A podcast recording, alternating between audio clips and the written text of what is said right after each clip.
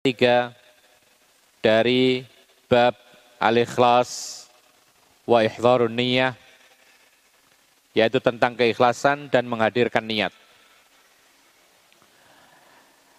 Hadis ini adalah dari Aisyah radhiyallahu anha. Semoga Allah meridhoinya. Beliau mengatakan, Qala Nabi sallallahu alaihi wasallam, la hijrata ba'dal fathi walakin jihadun wa niyatun wa idastun firtum fanfiru. Kata Nabi Sallallahu Alaihi Wasallam dalam hadis yang muttafaqun alaih, tidak ada hijrah setelah penaklukan kota Makkah. Akan tetapi yang ada adalah jihad dan niat untuk berjihad. Maka jikalau kamu sekalian diperintahkan untuk berangkat jihad, maka segera berangkatlah. Hadis ini dikeluarkan dan disepakati oleh Imam Bukhari dan Muslim. Maksud daripada la hijrata ba'dal fathi tidak ada hijrah setelah penaklukan kota Mekah. Ini berkaitan dengan hijrahnya Nabi dan segenap para sahabatnya dari Makkah ke Madinah. Karena saat itu awal-awal Islam, Mekah tidak kondusif. Maka dijajah oleh orang-orang kafir Quraisy musyrik. Mekah diambil alih oleh orang-orang musyrikin. Bahkan orang-orang yang lemah dari kalangan orang-orang Islam mereka mendapatkan tekanan. Bahkan tidak jarang mereka-mereka ini diseksa oleh orang-orang musyrik. Kita kenal yang namanya Bilal. Kita kenal dengan uh, Ammar bin Yasir, sekeluarga. Mereka diseksa. Maka Allah Subhanahu wa taala mengizinkan untuk hijrah. Berbondong-bondong Rasulullah dan para sahabatnya berhijrah Kemudian tatkala setelah hijrah ke Medina, kemudian delapan tahun kemudian Nabi Muhammad SAW diperintahkan untuk keadaan musyrik dan tidak mau masuk Islam.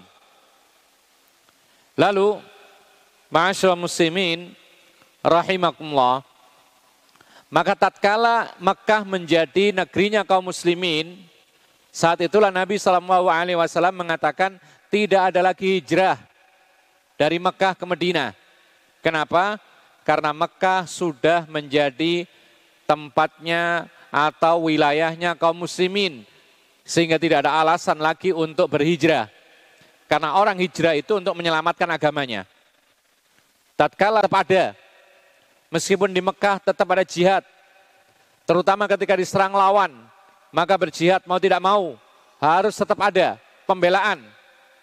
Bahkan pengiriman pasukan dari Mekah tetap berjalan untuk memerangi orang-orang kafir yang menentang agama Islam dan tidak mau tunduk kepada agama Islam, maka tetap diperangi meskipun dari Mekah. Kemudian kalau tidak memungkinkan jihad, maka supaya mendapatkan pahala jihad, maka dia cukup niat. Karena Nabi Muhammad SAW mengatakan ini amal amalu niat. Amalan bergantung kepada niatnya. Lalu Rasulullah mengatakan, apabila kalian diperintahkan untuk pergi berjihad, maka segeralah kalian pergi berjihad. Ada beberapa poin yang penting. Kita bisa ambil beberapa di antaranya adalah maka hadis ini tidak bertolak belakang dengan hadis yang lain la tangqati'ul hijratu hatta tangqati'at taubah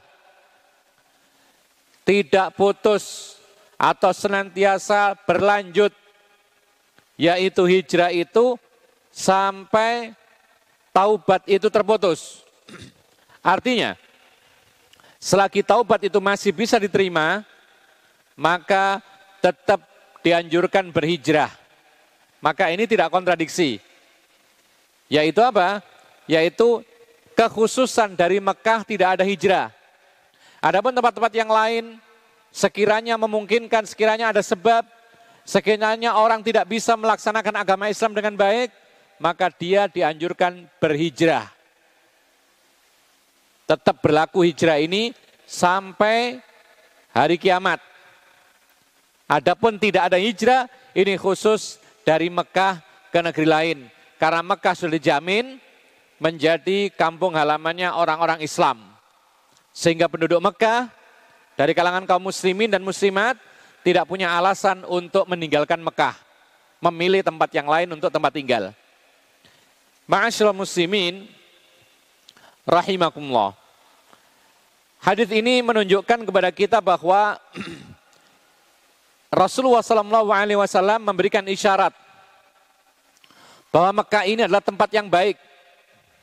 Maka tempat yang baik.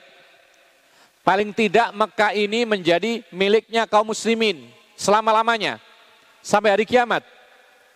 Bahkan di antara keutamaan Mekah seperti juga keutamaan Madinah, Allah Subhanahu wa taala menjaga kedua kota suci ini dari masuknya Dajjal.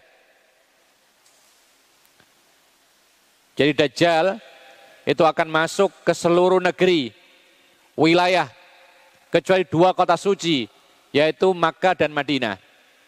Karena Allah Subhanahu wa taala menjaga dua kota suci ini. Malaikat ditugaskan oleh Allah untuk menjaga pintu gerbang kota Makkah dan Madinah. Kemudian juga ikhwan abdina azakumullah.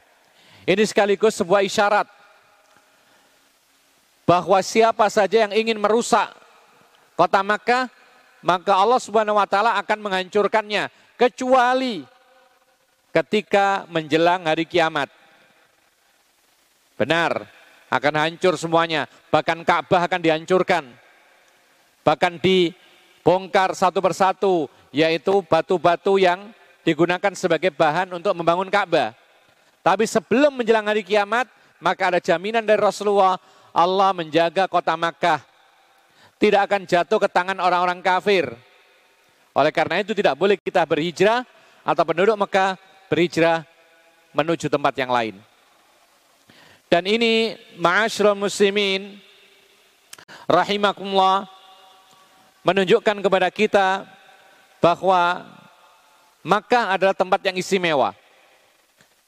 Sebagaimana sekarang ini kita ketahui, secara umum Mekah di bawah yaitu pemerintahan Mamlakah Al-Arabiyah As-Saudiyah, maka secara umum negara Saudi Arabia sekarang ini ada sebuah isyarat bahwa negara tersebut adalah negara yang aman, negara yang bagus, kondusif, Kemudian juga disebutkan oleh para ulama bahwasanya sampai hari ini negara yang paling dekat penerapannya terhadap Al-Quran tidak lain adalah negara yang negara yang menguasai Makkah Madinah, yaitu Saudi. Dan memang demikian kalau kita lihat tidak bisa kita menutup mata bahwa kerajaan Saudi Arabia yang di dalamnya ada Makkah dan Madinah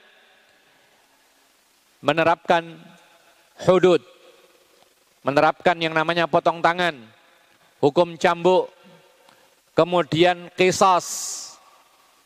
Kita tanyakan, mana negara-negara yang lain? Negara kita jauh, negara tetangga kita jauh, tapi Saudi Arabia yang di dalamnya ada Makkah dan Madinah, yang mana itu dimiliki oleh kaum muslimin, menerapkan yaitu hukum-hukum Islam.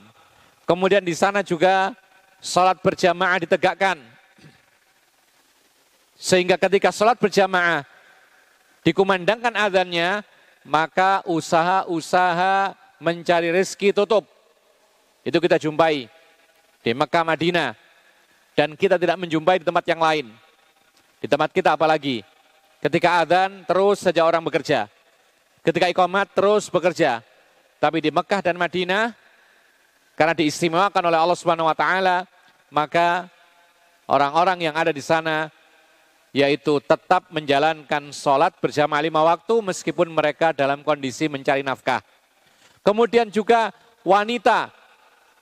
Kalau kita lihat negara-negara yang ada di dunia ini, maka kaum wanita di Makkah dan Madinah itu rata-rata relatif tertutup aurat. Tidak tampak orang menampakkan auratnya, kepalanya, rambutnya, kakinya, betisnya, tidak ada. Maka ini menunjukkan kebaikan. Belum lagi yaitu aturan-aturan yang lainnya. Kemaksiatan-kemaksiatan tidak terang-terangan. Meskipun ada. Tidak mungkin kita memungkiri. Ada kemaksiatan tetapi tidak ada terang-terangan. Kemudian ada yang namanya hayat al-amru bil ma'ruf wa nahi anil mungkar. Ada yang namanya yaitu lembaga amar ma'ruf nahi mungkar. Setiap hari berkeliling Terutama ketika waktu adzan, yaitu mengingatkan toko-toko yang buka segera ditutup. Maka ini menunjukkan kebaikan Makkah dan Madinah secara khusus, kemudian negara yang menaungi Makkah dan Madinah, yaitu Saudi Arabia secara umum. Kemudian ikhwanna fiddin, a'azzakumullah. E, disebutkan juga oleh para ulama bahwa ada sebuah isyarat bahwa kita ini tidak boleh sengaja tinggal di negeri kafir. Kita tidak boleh sengaja tinggal di negeri kafir. Kenapa demikian? Karena orang yang tinggal di negeri kafir lalu tidak bisa menerapkan agamanya dengan baik, maka dia harus berhijrah. Jadi kalau ada orang yang tinggal di negeri kafir disuruh hijrah, supaya bisa menjaga agamanya, maka orang yang belum tinggal di negeri kafir tidak usah melangkahkan kakinya ke negeri kafir. Kecuali disebutkan oleh para ulama, tatkala ada kebutuhan yang sangat mendesak, contohnya berobat, ketika tidak ada jalan lain kecuali berobat ke negeri kafir, itu pun dengan syarat sebagaimana seorang yang pergi ke negeri kafir untuk apa? Untuk bekerja. Hukum asalnya tidak boleh. Tapi kalau tidak ada jalan kecuali ke sana, dia dagang. Barang adanya di negeri kafir, silakan pergi ke sana. Hanya untuk berdagang. Tetapi syaratnya di antaranya adalah dia punya background yang kuat. Dia punya pondasi agama yang kuat. Supaya tidak teracuni dengan syubhat kekufuran dan dosa serta maksiat di sana. Jadi dia punya background dasar agama yang kuat, punya iman dipastikan dia tidak akan yaitu larut dalam kemaksiatan di sana, kemudian kebutuhan yang sangat mendesak untuk datang ke negeri kafir tersebut. Ini baru boleh. Adapun bertamasya ke negeri kafir, maka ini jelas dilarang dan hukumnya haram. Jadi kita ingin misalnya jalan-jalan, ke mana? Ke Amerika. Lihat-lihat di sana. Untuk apa? Untuk bersenang-senang maka ini hukumnya haram. Karena tidak ada hajat. Karena rekreasi itu bukan hajat yang mendesak. Itu hanya kesenangan. Bukan berobat, bukan mencari nafkah, tapi hanya bersenang-senang. Ini tidak diperkenankan. Yang sangat mengkhawatirkan itu adalah ketika Allah mentakdirkan ajal kita di tempat tersebut, maka kita meninggal dunia di tempat rusak, di tempat kekafiran. Dan itu sangat dibenci oleh para sahabat Nabi. Sampai-sampai dahulu para sahabat Nabi, tatkala sudah hijrah dari Mekah ke Medina, mereka berusaha untuk meninggal di Medina. Tidak ingin kembali ke Mekah, khawatir kalau-kalau ajalnya di Mekah. Padahal Mekah telah ditinggalkan oleh mereka. Ini termasuk kesempurnaan hijrah. Jadi termasuk kesempurnaan hijrah itu adalah meninggalkan tempat kampung halaman yang rusak kemudian ditinggalkan, lalu dia tidak akan kembali ke tempat itu dan mati di tempat hijrah yang dia datangi. Itu kesempurnaan hijrah. Ma'asyiral muslimin rahimakumullah ada berkaitan dengan hukum jihad hadis ini. Maka ketika Rasulullah mengatakan dalam hadis tadi yaitu wa idastung firtum fangfiru apabila kalian diperintahkan untuk berangkat berjihad, maka segera berangkatlah. Apa artinya? Ini menunjukkan kepada kita bahwa salah satu kondisi jihad yang berubah dari hukum asal yang asalnya fardu kifayah itu menjadi fardu ain adalah kondisi seperti ini. Kita tarik ke depan lagi. Jihad yang maknanya adalah memerangi orang-orang kafir untuk membela agama Islam. Ini jihad mana khusus. Sedangkan jihad mana umum adalah bersungguh-sungguh memperjuangkan agama Islam dengan cara apa pun, termasuk dengan ilmu. Tapi di sini jihad mana khusus, yaitu memerangi orang-orang kafir untuk membela agama Islam. Hukum asalnya jihad adalah fardu kifayah. Fardu kifayah. Sebagaimana Allah berfirman dalam surat At-Taubah ayat 122. Allah Subhanahu wa taala berfirman, "Wa ma kana al-mu'minuna liyanfiru kaffah falaula nafara min kulli firqatin minhum ta'ifah liyatafaqahu fid din wa liyunziru qaumahum idza raja'u ilaihim la'allahum yahdharun." Ini ayat yang menunjukkan bahwa jihad visabilillah hukumnya fardu kifayah. Kalau sudah ada yang mewakili maka yang lain tidak ada kewajiban. Apa kata Allah? Tidak sepatutnya semua orang-orang yang beriman berangkat jihad semuanya. Tidak patut.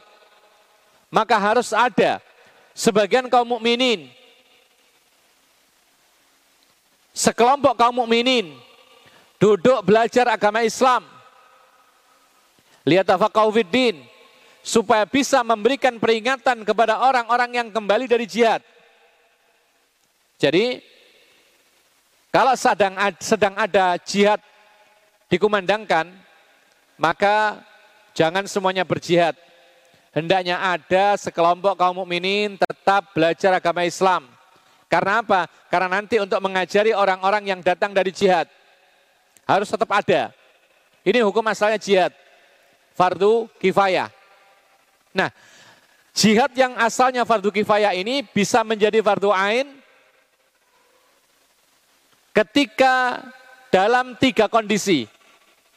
Sekali lagi, jihad visabilillah yang hukum asalnya adalah fardu kifayah, itu bisa berubah menjadi fardu ain dalam tiga kondisi. Kondisi yang pertama dalam hadis ini. Fangfiru. Kalau kamu sekalian diperintahkan berjihad, maka segeralah berjihad. Artinya apa? Yang memerintahkan adalah imam kaum muslimin. Jadi kalau pemimpin kaum muslimin, pemimpin kita, ya, Presiden kita misalnya menyuruh kita berangkat jihad ke Palestina misalnya, maka menjadi fardu ain, wajib ain bagi setiap laki-laki dewasa yang mampu untuk berangkat jihad. Karena Nabi mengatakan demikian.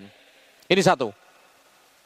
Lalu yang kedua, idza hajamal aduwu baladan. Yang kedua, apabila suatu negeri kaum muslimin tiba-tiba diserang musuh. Ya. Suatu negeri kaum muslimin tiba-tiba ada musuh datang menyerbu kita, maka wajib fardu ain bagi kita untuk membela diri. Ini maksudnya. Yang kedua. Lalu yang ketiga menjadi fardu ain apabila sudah hadir dalam medan perang. Jadi kalau seorang mujahid, orang muslim sudah berada di tengah-tengah kancah peperangan, maka hukumnya tadinya jihad itu fardu kifayah berubah menjadi fardu ain. Berubah. Jadi bukan fardu kifayah lagi menjadi fardu ain. Kenapa demikian? Karena Allah Subhanahu wa taala berfirman, dalam ayat surat Al-Anfal ayat ayat 15. Allah mengatakan, "Ya ayyuhalladzina amanu, malakum idza laqitumul ladzina kafaru zahfan fala tuwalluhumul adbar." Wahai orang-orang yang beriman, mengapa kalian tatkala berjumpa dengan musuh lalu kalian mundur ke belakang? Artinya kalau sudah bertemu musuh di medan perang, maka tidak ada kata lain kecuali terus maju berperang, tidak boleh mundur menjadi fardu ain. Jadi tiga kondisi inilah merubah hukum asal jihad visabilillah yang awalnya fardu kifayah menjadi fardu ain. Kemudian Fadilatul Syekh Muhammad bin Shalih al menambahkan satu kondisi lagi, yaitu yang keempat. Ini Fadilatul Syekh Muhammad bin Shalih al menambahkan kondisi yang keempat, yaitu jihad menjadi fardu ain apabila ada sebagian kaum muslimin yang sedang dibutuhkan untuk berjihad karena apa? Karena tidak ada orang yang lain yang mampu menjalankan tugas jihad ini. Beliau memberikan contoh misalnya di dalam barisan kaum muslimin ada senjata yang canggih Sementara yang bisa menggunakannya adalah si fulan, si fulan, dan fulan. Yang lain nggak bisa. Maka menjadi fardu ain bagi tiga orang yang disebutkan ini karena dialah yang bisa menggunakan senjata canggih ini. Yang lainnya tetap fardu kifayah. Tapi orang-orang yang sangat dibutuhkan saat itu adalah hukumnya fardu ain. Atau misalnya di barisan kaum muslimin ada kendaraan yang sangat mutakhir. Kendaraan tank misalnya, atau kendaraan yang lain, yang mana untuk mengoperasikan kendaraan ini hanya si fulan, fulan, dan fulan. Yang lain nggak bisa. Maka menjadi fardu ain berjihad bagi si fulan, fulan, dan fulan tadi. Inilah empat kondisi yaitu merubah jihad yang tadinya fardu kifayah menjadi fardu ain. Ma'asyiral muslimin rahimakumullah. Kita lanjutkan hadis yang berikutnya. Wa an Abi Abdullah Al-Ansari radhiyallahu an. Qala kunna ma'an Nabi sallallahu alaihi wasallam fi ghazatin Faqala inna bil madinati larijalan masirtum masiran wala qata'tum wadiyan illa kanu ma'akum habasahumul maradu wa fi riwayatin illa syarakukum fil ajri rawa muslim Nabi Sallallahu Alaihi Wasallam kata Abu Abdillah Al-Ansari, beliau mengatakan, Dahulu kami pernah bersama-sama Rasulullah SAW dalam suatu peperangan. Dalam suatu peperangan. Lalu Rasulullah SAW bersabda, sesungguhnya di Madinah ini ada beberapa orang yang mana kalian apabila berjalan di suatu perjalanan dan apabila kalian itu singgah di suatu lembah niscaya mereka-mereka orang-orang yang ada di Madinah ini mereka itu menyertai kalian bersama-sama kalian tetapi mereka tertahan oleh sakit dalam suatu riwayat mereka-mereka ini bersekutu bersama kalian sama-sama mendapatkan pahala maksudnya di sini adalah ketika Rasulullah dan kaum muslimin berangkat jihad. Jadi jihad itu rata-rata di luar Madinah. Ya. Peperangan yang dilakukan oleh Rasulullah itu rata-rata Rasulullah keluar membawa pasukan menyambut musuh di luar Madinah. Kecuali satu peperangan yaitu perang Khandaq. Kaum muslimin dipekuk, dikepung di Madinah. Tapi selain perang Khandaq, Nabi Muhammad dan para sahabatnya bergegas meninggalkan Madinah. Makanya Rasulullah menganjurkan, ayo kaum muslimin ikut berperang, berangkat. Jadi perang tidak dilakukan di dalam kota Madinah. Kenapa demikian? Itu strategi perang. Di antaranya adalah manfaatnya untuk menghindarkan korban-korban yang berjatuhan dari kalangan orang-orang yang tidak berperang. Orang tua, wanita, orang sakit, dan anak-anak. Itu tidak perang. Maka tidak mungkin mereka dikorbankan. Sehingga Rasulullah berangkat meninggalkan Madinah. Nah, ada orang-orang yang tidak ikut berperang karena udur, karena sakit. Maka Rasulullah mengatakan, mereka-mereka yang sakit di Medina, meskipun tidak ikut kita berperang, maka mereka mendapatkan pahala perang sama dengan kita. Karena mereka sakit. Andai kan mereka tidak sakit, pasti ikut. Itu maksudnya.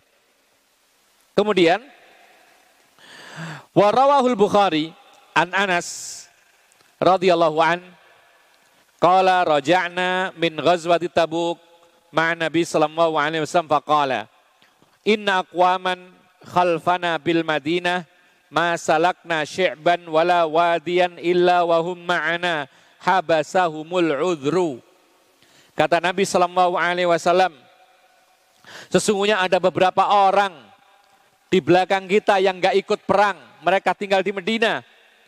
Ketika kita menempuh jalan, ketika kita menempuh lembah, maka mereka pun bersama-sama kita. Padahal mereka di Medina. Maksudnya bagaimana? Habasahumul udru. Mereka tidak bisa ikut kita tapi bersama kita sama-sama mendapatkan pahala karena mereka ada udur, sakit, kemudian buta matanya, kemudian e, cacat, ya. Mereka-mereka mendapat udur. Tapi mereka berniat untuk jihad tapi tidak mampu, maka mereka tetap mendapatkan pahala. Oleh karena itu, ikhwanna fiddin azakumullah, kita bisa mengambil beberapa poin penting dalam hadis ini. Maka di dalam ayat Al-Quran, Allah menyebutkan orang yang berjihad lebih utama daripada orang yang tidak ikut berjihad. Meskipun ada udur. Perhatikan, orang yang berjihad Berangkat jihad, ada orang yang ada udur tidak berjihad. Niatnya sama-sama niat berjihad. Maka dua-duanya mendapatkan pahala jihad. Tapi orang yang ikut berjihad pahalanya lebih besar. Kenapa demikian? Satu, karena dia ikut berjihad. Ikut secara fisik. Mengorbankan jiwa raganya. Lalu yang kedua, dia pun juga punya niat yang benar. Sementara orang-orang yang tidak ikut berjihad karena udur, mereka tidak ikut jihad secara fisik, mereka hanya mendapatkan pahala jihad karena niatnya. Innamal amalu biniat. Tapi ini lebih, mending lebih baik daripada orang-orang yang tidak ikut jihad dan tidak berniat jihad. Jadi mereka ada udur, maka mereka dimaafkan oleh Allah dan mereka tetap diberi ganjaran jihad karena mereka ada niatan untuk berjihad. Ikhwana fiddin azakumullah. Uh, hadis ini disebutkan oleh para ulama bahwa orang yang ada udur, udur, halangan, sehingga meninggalkan kebiasaan baiknya, maka dia tetap mendapatkan pahala sempurna. Sekali lagi, orang yang meninggalkan kebiasaan baik, ketaatan karena uzur maka ia mendapatkan pahala kebaikan tersebut dengan sempurna. Karena ada uzur dan ini kemurahan Allah. Dan itu dikatakan oleh Nabi Shallallahu Alaihi Wasallam dalam sebuah hadis yang terkenal ya riwayat Bukhari. Rasulullah Shallallahu Alaihi Wasallam pernah mengatakan idza maridhal abdu aw safara kutiba lahu mithlu ma kana ya'malu muqiman sahihan apabila seorang hamba sakit atau bepergian ini keistimewaan bagi orang yang punya kebiasaan baik jadi kalau ditinggalkan gara-gara sakit atau musafir tetap dapat pahala. Kata Nabi, Apabila seorang hamba itu sakit atau musafir, lalu meninggalkan kebaikan-kebaikan, maka tetap ditulis baginya seperti ia melakukan hal tersebut ketika dia mukim dan ketika dia sehat. Hadis ini dari Bukhari. Jadi begini disebutkan oleh para ulama. Hal ini jadi orang yang meninggalkan kebaikan karena ada udur itu tetap diberikan ganjaran kebaikan sempurna itu dengan dua syarat.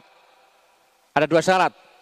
Sekali lagi, orang yang meninggalkan kebaikan akan diberikan kebaikan itu dengan sempurna itu dengan dua syarat.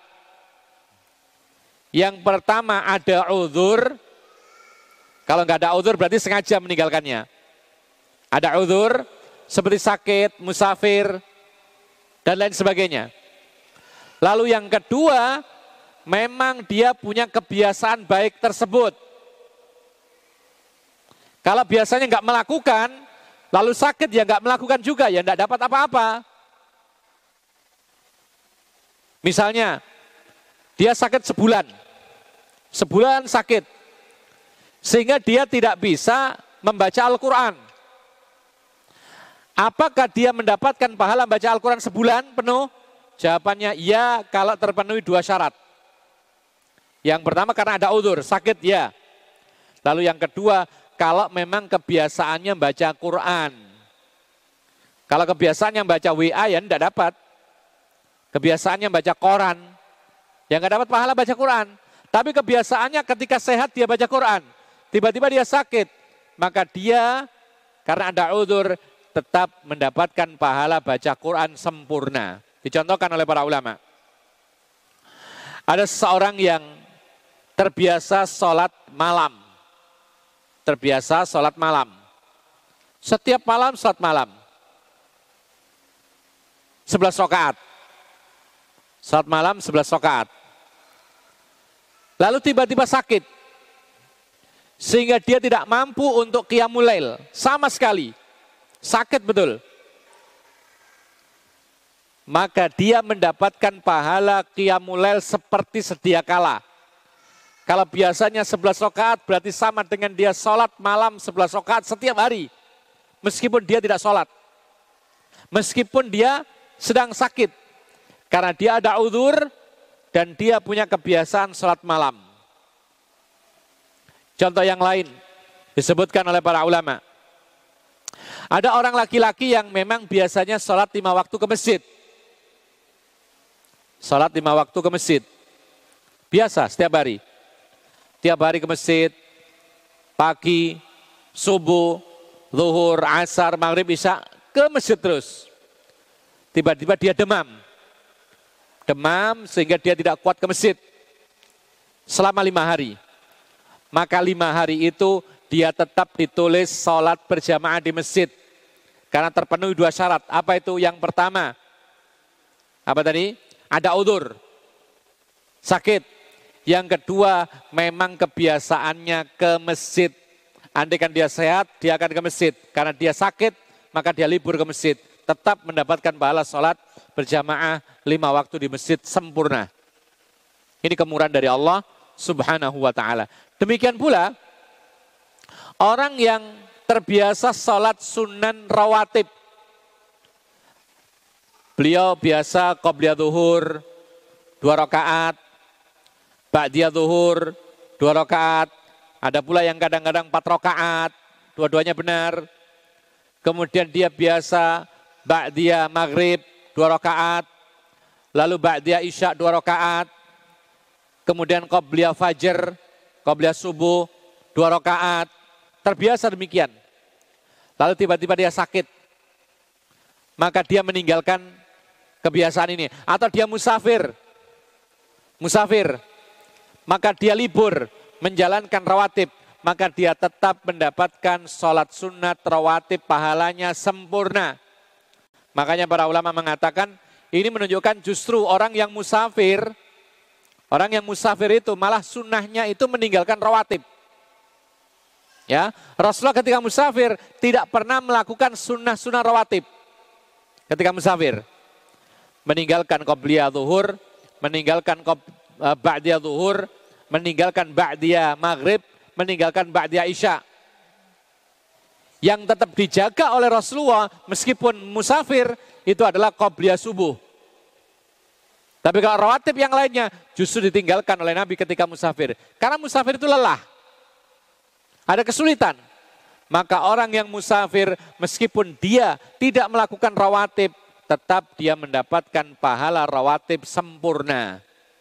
Oleh karena itu, ini merupakan keringanan yang sangat besar.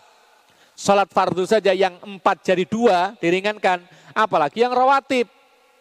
Lebih diringankan lagi, libur, tidak ada masalah. Dan dia tetap mendapatkan pahala sempurna. Ma'asyurul muslimin, rahimakumullah. Maka ini menunjukkan kepada kita bahwa Allah subhanahu wa ta'ala maha pemurah. Lagi maha penyayang. Allah akan melipat gandakan setiap kebaikan 10 kali lipatnya. Bahkan akan dilipatkan lebih dari itu bisa 100, 200, sampai 700 kali lipat. Ini setiap kebaikan. Jadi satu kebaikan minimal ganjarannya 10 kali lipatnya. Enggak ada satu kebaikan ganjarannya satu. Enggak. Tapi Allah lipatkan 10 kali kebaikan. Semua kebaikan, apa pun bentuknya. Bahkan kadang-kadang dilebihkan lagi sampai maksimal 700 kali lipat. Bahkan ada amalan-amalan khusus yang dilipat gandakan oleh Allah kebaikannya pahalanya itu tidak ada batasan. Bukan 100, bukan 200, bukan 700, bukan 1000, tetapi berapa? Tetapi tidak ada batasannya. Amalan apa itu di antaranya adalah amalan hati. Sabar. Rasulullah Allah mengatakan, Innama yuwaffas sabiruna ajrahum bighairi hisab. Orang-orang yang sabar itu dilipat gandakan pahalanya tidak pakai hitungan karena terlalu banyaknya. Makanya kita harus sabar. Dan sabar itu pahit. Tapi manis akibatnya. Sabar mencakup tiga hal. Sabar menjalani ketaatan. Ya, termasuk menuntut ilmu. Ini harus sabar. Sholat lima waktu, sholat sunnah, membayar zakat, puasa, dan lain sebagainya. Ini semuanya adalah termasuk ujian kesabaran berupa ketaatan. Lalu yang kedua, sabar dari kemaksiatan. Artinya apa? Bertahan jangan sampai jatuh ke dalam kemaksiatan sekecil apa pun. Ini sabar. Lalu yang ketiga, sabar menghadapi ujian. Ya. Jadi sabar tiga ini harus kita terapkan dalam diri kita. Supaya apa? Supaya kita mendapatkan pahala kesabaran yang begitu luar biasa lipat gandanya tanpa dihitung oleh Allah Subhanahu wa taala. Bahkan suatu ketika karena kita sabar, kita pun bisa mendapatkan pahala dunia sebelum akhirat. Karena pahala di sini macam-macam. Karena Allah mengatakan tanpa hitungan pahala dan pahala itu bisa di dunia bisa di akhirat. Kalau di akhirat pasti, demikian pula di dunia kadang-kadang disegerakan oleh Allah subhanahu wa ta'ala. Lalu amalan apalagi yang dilipat gandakan tanpa hitungan karena terlalu banyaknya pahalanya, di antaranya adalah puasa. Allah mengatakan, wa ana azibihi, aku yang akan membalas puasamu tanpa hitungan. Dan ternyata subhanallah, ternyata ketika diteliti oleh para ulama, kenapa sih puasa itu pahalanya luar biasa? terutama puasa sunnah, ya. Puasa wajib juga demikian. Kenapa puasa itu dilipat gandakan pahalanya tanpa hitungan? Ternyata tidak jauh-jauh dari sabar puasa itu. Di dalam puasa itu ada tiga jenis kesabaran. Di dalam puasa itu ada tiga jenis kesabaran. Yang pertama sabar menjalani ketaatan. Karena dalam puasa orang harus melakukan kewajiban. Kewajiban-kewajiban tetap dijalankan. Sholat tetap berjalan, mencari nafkah berjalan, semua berjalan. Lalu di dalam puasa ada sabar, yaitu menahan diri dari kemaksiatan. Ada sabar, tidak boleh makan, tidak boleh minum, tidak boleh berhubungan badan. Ini kemaksiatan bagi orang yang puasa. Lalu kemudian yang ketiga, orang yang berpuasa itu sabar menghadapi ujian, lapar, haus, dahaga. apalagi hari-hari pertama. Maka dia diuji oleh Allah Subhanahu wa taala dengan kesulitan-kesulitan ketika berpuasa. Ma'asyiral muslimin rahimakumullah, maka itulah uh, faedah dari hadis yang kita sebutkan tadi dan jihad ini maknanya seperti tadi kita katakan ada makna khusus, ada makna umum. Dan para ulama mengatakan keistimewaan di antara keistimewaan orang-orang yang berjihad itu tidak akan pernah merugi. Keistimewaan orang-orang yang berjihad di jalan Allah itu tidak pernah merugi. Menang atau kalah, dapat ghanimah atau tidak dapat ghanimah, tetap untung. Orang yang berjihad. Rasulullah pernah mengatakan, orang berjihad itu dijamin oleh Allah kebaikan. Kondisi yang pertama, dia terbunuh. Maka dia mati syahid, ganjarannya langsung masuk surga. Ini satu. Jadi orang yang berjihad, kemungkinan yang pertama dia kalah. Terbunuh di medan perang, mati syahid, maka ganjarannya langsung masuk surga. Kondisi yang kedua, dia tidak terbunuh, tapi dia tidak mendapatkan ghanimah. Balik pulang ke rumah, tetapi dia tidak mendapatkan ghanimah, kalah. Maka dia tetap mendapatkan pahala syahid. Meskipun andekan nanti dia mati di atas kasurnya, sebagaimana Nabi katakan demikian. Karena dia sudah berjihad. Lalu yang kemungkinan ketiga, yaitu dia menang dan tidak mendapatkan, uh, dia menang dan mendapatkan ghanimah. Maka ghanimah ini kebaikan, kemenangan itu kebaikan, dan dia berjihad, dia mendapatkan pahala dari Allah subhanahu wa ta'ala.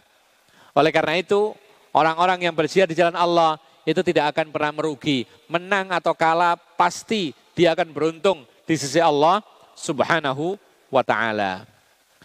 Uh, muslimin,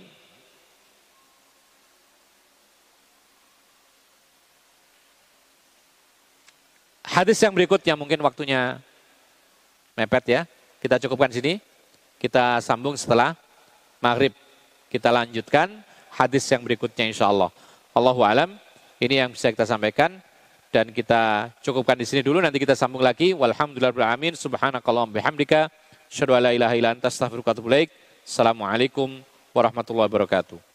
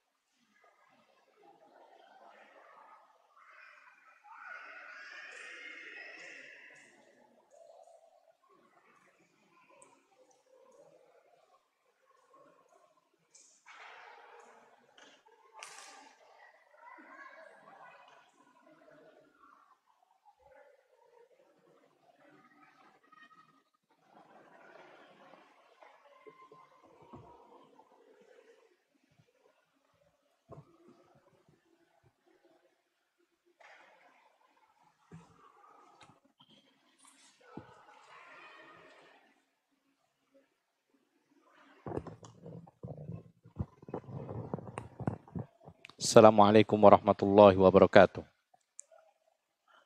Bismillahirrahmanirrahim. Alhamdulillahirrahmanirrahim. Wassalatu wassalamu ala rasulillah wa ala alihi wa sahbihi wa mawalah. Amma ba'd. Ma'asyiral muslimin rahimakumullah.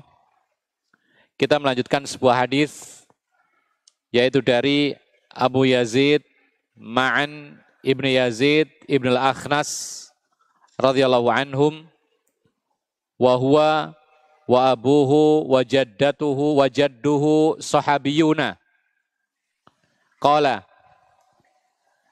dari Abu Yazid Ma'an Ibn Yazid Ibn Al-Akhnas beliau ayahnya dan kakeknya semuanya adalah generasi para sahabat Nabi dan ini jarang terjadi demikian. Tiga generasi semuanya termasuk sahabat Nabi radhiyallahu anhum. Beliau mengatakan, yaitu Ma'an ibnu Yazid, Kana Abi Yazid akhraja dananira yatasaddaqu biha fawadha'aha 'inda rajulin fil masjid. Beliau menceritakan Ma'an ibnu Yazid bahwa ayahku meletakkan sedekah di dalam masjid. Diserahkan kepada seseorang yang amanah untuk dibagi-bagi kepada siapa pun yang membutuhkan. Orang miskin, orang fakir, sedekah. Lalu fajitu fa'akhadtuha fa'ataituhu biha. Lalu aku datang ke masjid dan aku mengambil sedekah itu. Yaitu karena dia butuh. Faqala walidu wallahi ma iya ke aratu. Tatkala aku bawa ke rumah, aku sampaikan kepada ayahku. Ternyata yang sedekah adalah ayahnya sendiri. Anaknya ngambil. Maka kemudian ayahnya mengetahui anaknya mengambil sedekah. Beliau mengatakan, demi Allah, bukan engkau yang aku inginkan sedekah ini. Aku ingin orang lain. Kemudian fakhasamtuhu ila Rasulillah sallallahu alaihi wasallam. Lalu aku laporkan kepada Rasulullah. Jadi terjadi pertikaian sedikit antara ayah dengan anak gara-gara sedekah. Anak mengambil merasa berhak. Ayah mengatakan itu bukan untuk kamu, itu untuk orang lain. Maka dilaporkan kepada Rasulullah Sallallahu Alaihi Wasallam. Maka Rasulullah mengatakan faqala laka manawaita ya Yazid. Wa Yazid, engkau telah mendapatkan apa yang kau niatkan, sedekah. Engkau sudah dapat pahala sedekah. Walaka ma'akhatta ya ma'an. Sedangkan engkau ma'an, anaknya Yazid, engkau pun berhak mengambil sedekah tersebut.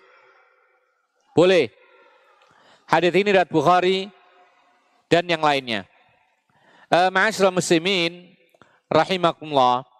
Ini adalah sebuah kisah kenyataan terjadi di kalangan para sahabat Nabi. Intinya adalah ada orang tua ingin bagi-bagi sedekah, diwakilkan, ditaruh di masjid. Orang siapa pun boleh mengambil, ngambil, ngambil. Ternyata ada anaknya sendiri. Anaknya sendiri ngambil juga. Padahal orang tuanya ini sedekah untuk kaum muslimin selain anaknya. Anaknya dapat uh, bukan sedekah tetapi nafkah. Tapi anaknya ngambil juga. Lalu sampai di rumah ketahuan bahwasanya anaknya ngambil sedekah orang tuanya sendiri, maka tidak terima orang tuanya. Anak merasa berhak karena dia butuh. Dilaporkan kepada Nabi, maka Rasulullah tidak membatalkan sedekah dan Rasulullah Shallallahu Alaihi Wasallam mengesahkan yaitu sedekahnya orang tua ini dan membolehkan bagi sang anak untuk mengambil. Ikhwan Abidin Azakumullah. Kisah ini menunjukkan kepada kita bahwa demikianlah para salaf dahulu bersedekah dan mereka biasanya tidak ingin terang-terangan. Sampai anaknya sendiri nggak tahu. Makanya sampai anaknya ngambil. Ini karena anaknya nggak tahu. Dan sebagai upaya merahasiakan sedekah, maka Orang yang sedekah itu mewakilkan.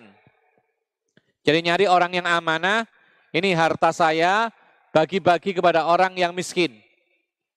Ini salah satu upaya untuk menyembunyikan sedekah.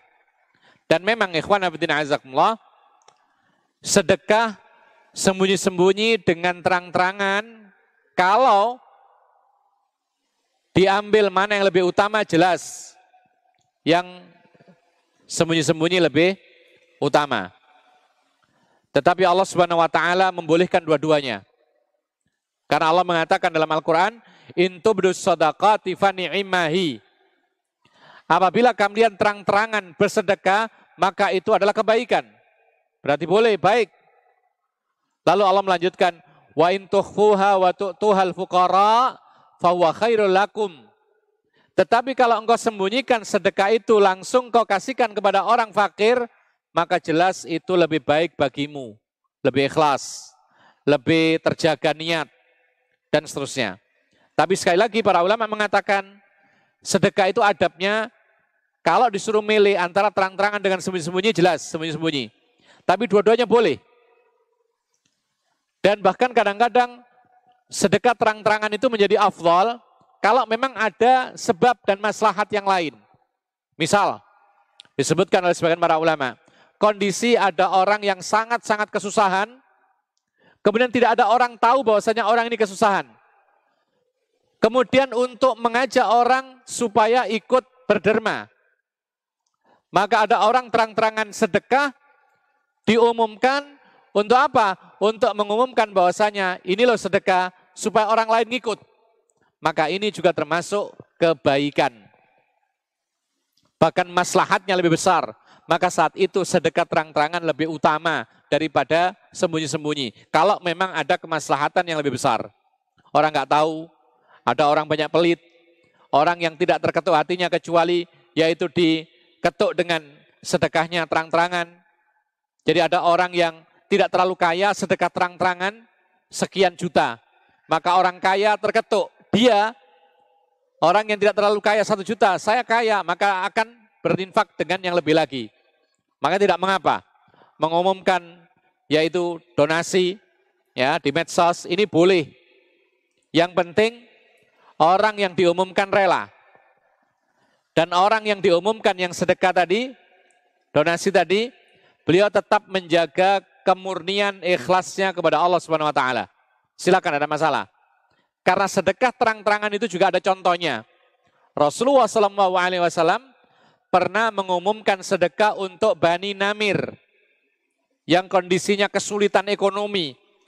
Terang-terangan Rasulullah menganjurkan sahabat Nabi terang-terangan sedekah maka terkumpullah sedekah yang cukup banyak diserahkan kepada kelompok ini. Rasulullah SAW menganjurkan sedekah terang-terangan juga ketika perang Tabuk.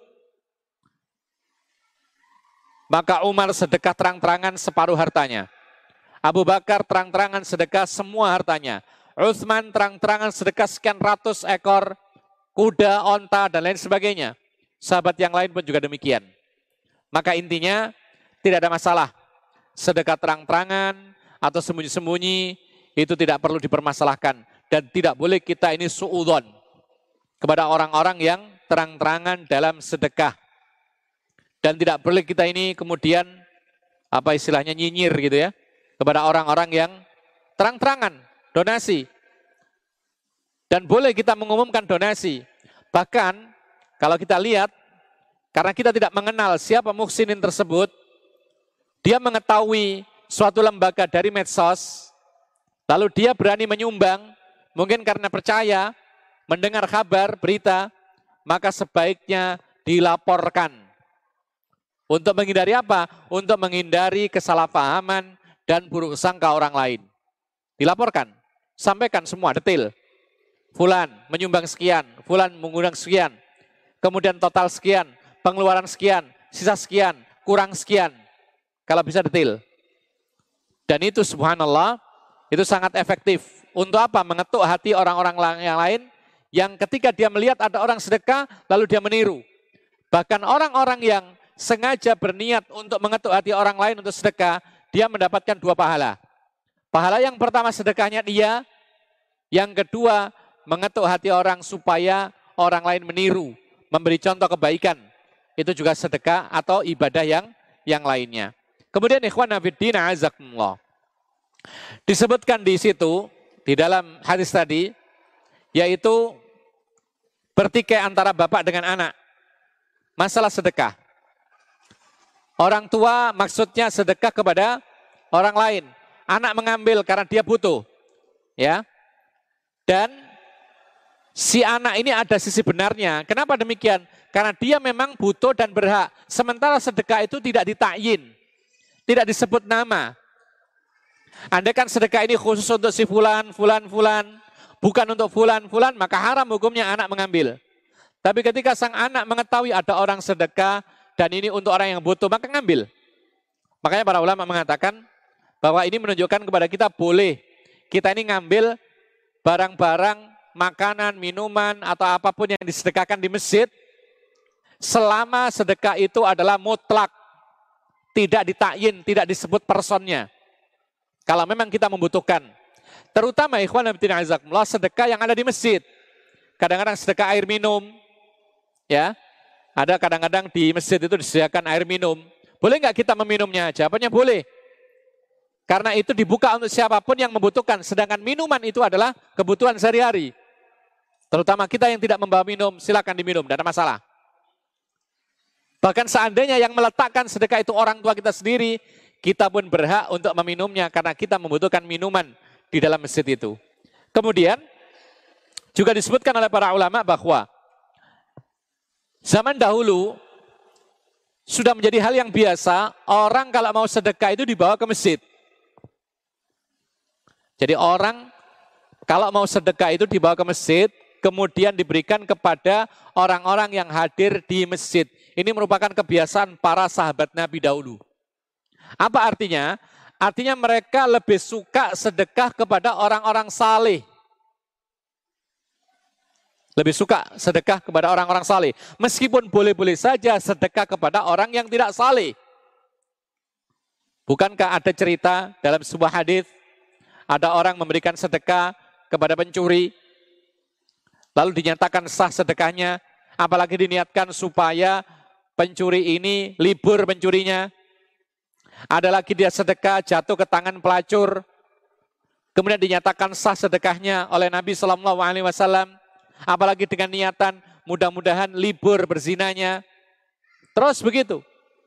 Jadi ikhwan Nabi azakumullah, maka merupakan kebiasaan para salafus saleh ketika mereka ingin berbagi sedekah itu diberikan di masjid, diberikan kepada orang-orang yang ahli masjid.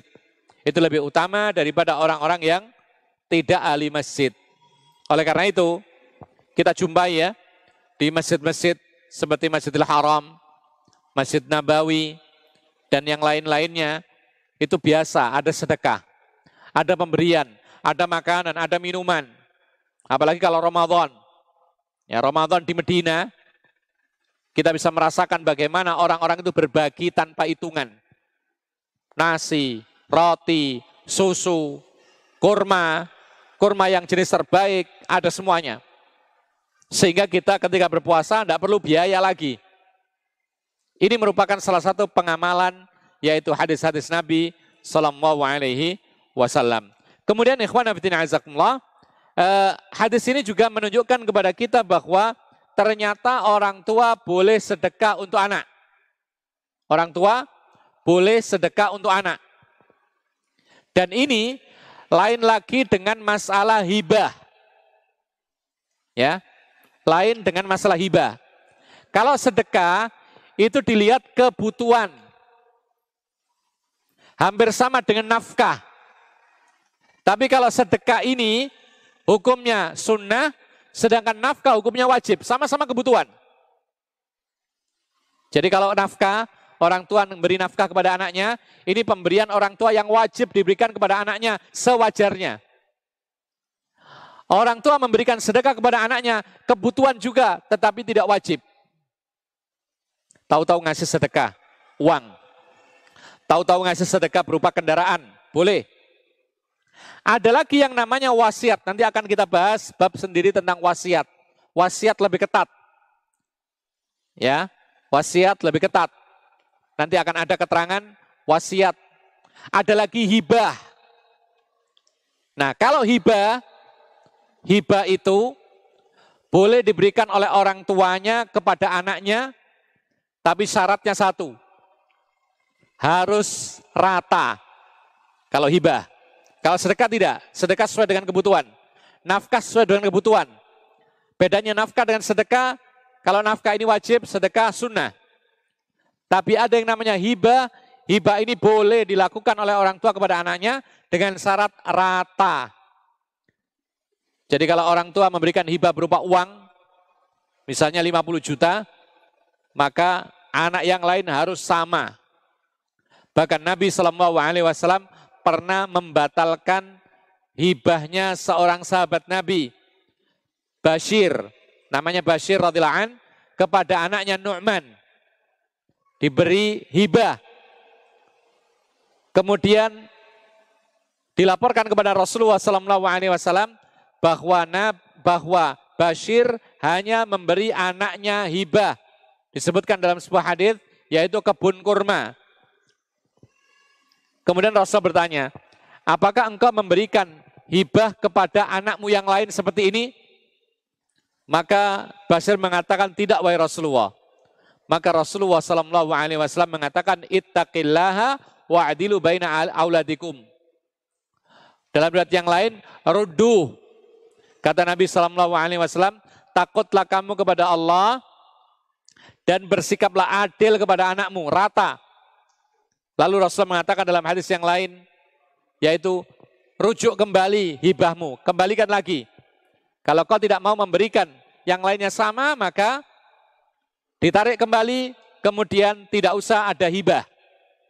Ini kalau hibah harus sata. Jadi ikhwan abidin azakumullah.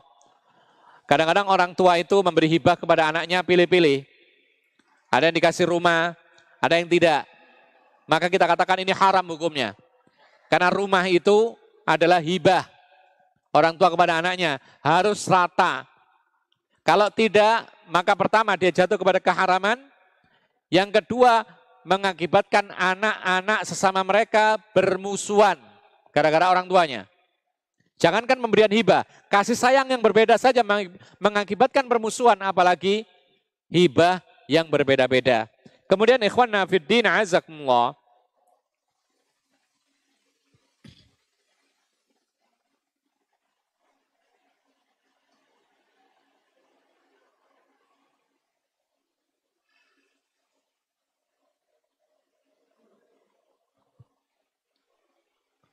Hadis ini juga menunjukkan kepada kita bahwa orang yang sedekah meskipun salah sasaran ya, salah sasaran maka selagi itu bukan sedekah yang wajib maka ini sah. Seperti orang ini bersedekah untuk fakir miskin secara umum. Dia tidak meniatkan untuk anaknya, tapi ternyata anaknya dapat. Padahal dia niatnya untuk orang lain. Maka seperti ini sah. Karena Nabi Shallallahu Alaihi Wasallam mengatakan walaka ma'akhatta ya ma'nu. Engkau berhak dengan apa yang kau ambil wahai ma'an. Tidak ada masalah. Berbeda dengan zakat. Zakat itu tidak boleh diberikan kecuali kepada delapan kelompok. Seperti yang disebutkan oleh Allah dalam surat At-Taubah ayat 60. Innama sadaqatu lil fuqara wal masakin wal amilina 'alaiha wal mu'allafati qulubuhum wa fir riqabi wal gharimina wa fi sabilillahi wa ibnis sabil. Maka hanya delapan kelompok inilah yang berhak mendapatkan zakat, yang lainnya tidak boleh. Lalu satu catatan lagi, zakat tidak boleh diberikan kepada orang yang wajib dinafkahi. Ini catatan. Jadi kalau kita punya anak, ya, kita punya anak, kita mau bayar zakat, kita berikan kepada anak kita, tidak boleh. Kenapa demikian? Karena zakat itu wajib dan harus dikeluarkan untuk Allah. Tu'khadu, tukhraju, ila fuqaraihim. Dikeluarkan Sementara kalau diberikan kepada anak, padahal anak itu wajib dinafkahi, maka tidak keluar. Ini alasannya kenapa zakat tidak boleh diberikan kepada anak. Karena anak itu wajib diberi nafkah. Kalau diberi zakat, akhirnya sama dengan nafkah, sehingga tidak keluar. Padahal zakat itu harus dikeluarkan dari kepemilikannya. Oleh karena itu, sebaliknya juga demikian. Boleh nggak kita memberikan zakat kepada orang tua kita yang miskin? Jawabannya tidak boleh. Kenapa demikian? Orang tua yang miskin itu wajib kita nafkahi. Sehingga yang kita berikan kepada orang tua itu sama dengan nafkah, akhirnya muter aja. Sementara zakat itu harus dikeluarkan. Tidak boleh. Tapi boleh nggak kita memberi zakat kepada saudara kita yang miskin? Boleh nggak kira-kira?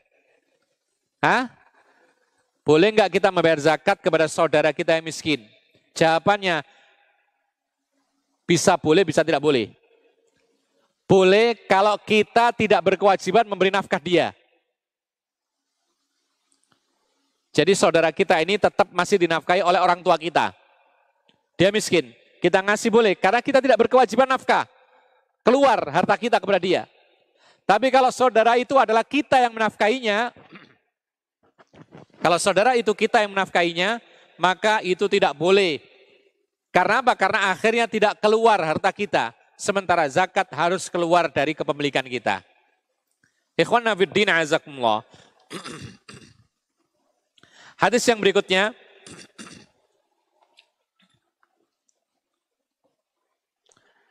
Wa an Abi Ishaq Sa'ad bin Abi Waqqas Malik ibni Uhaib ibni Abdi Manaf ibni Zahra ibni Kilab ibni Murrah ibni Ka'ab ibni Lu'ay al-Qurashi az-Zuhri radhiyallahu anhu ahadil ashratil masyhudi lahum bil jannah radhiyallahu anhum qala ja'ani Rasulullah sallallahu alaihi wasallam ya'uduni ama hajjatil wada min wajani saddabi dari Abu Ishaq, Sa'ad bin Abi Waqqas, Malik ibnu Uhaib, ibnu Abdi Manaf, ibnu Zuhra, ibnu Kilab, ibnu Murrah, ibnu Ka'ab ibnu Lu'ay, Al-Qurashi zuhri Semoga Allah meridhoinya.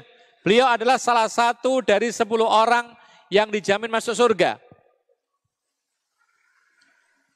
Beliau mengatakan, Rasulullah SAW pernah menjenguk aku ketika sakit waktu haji wada.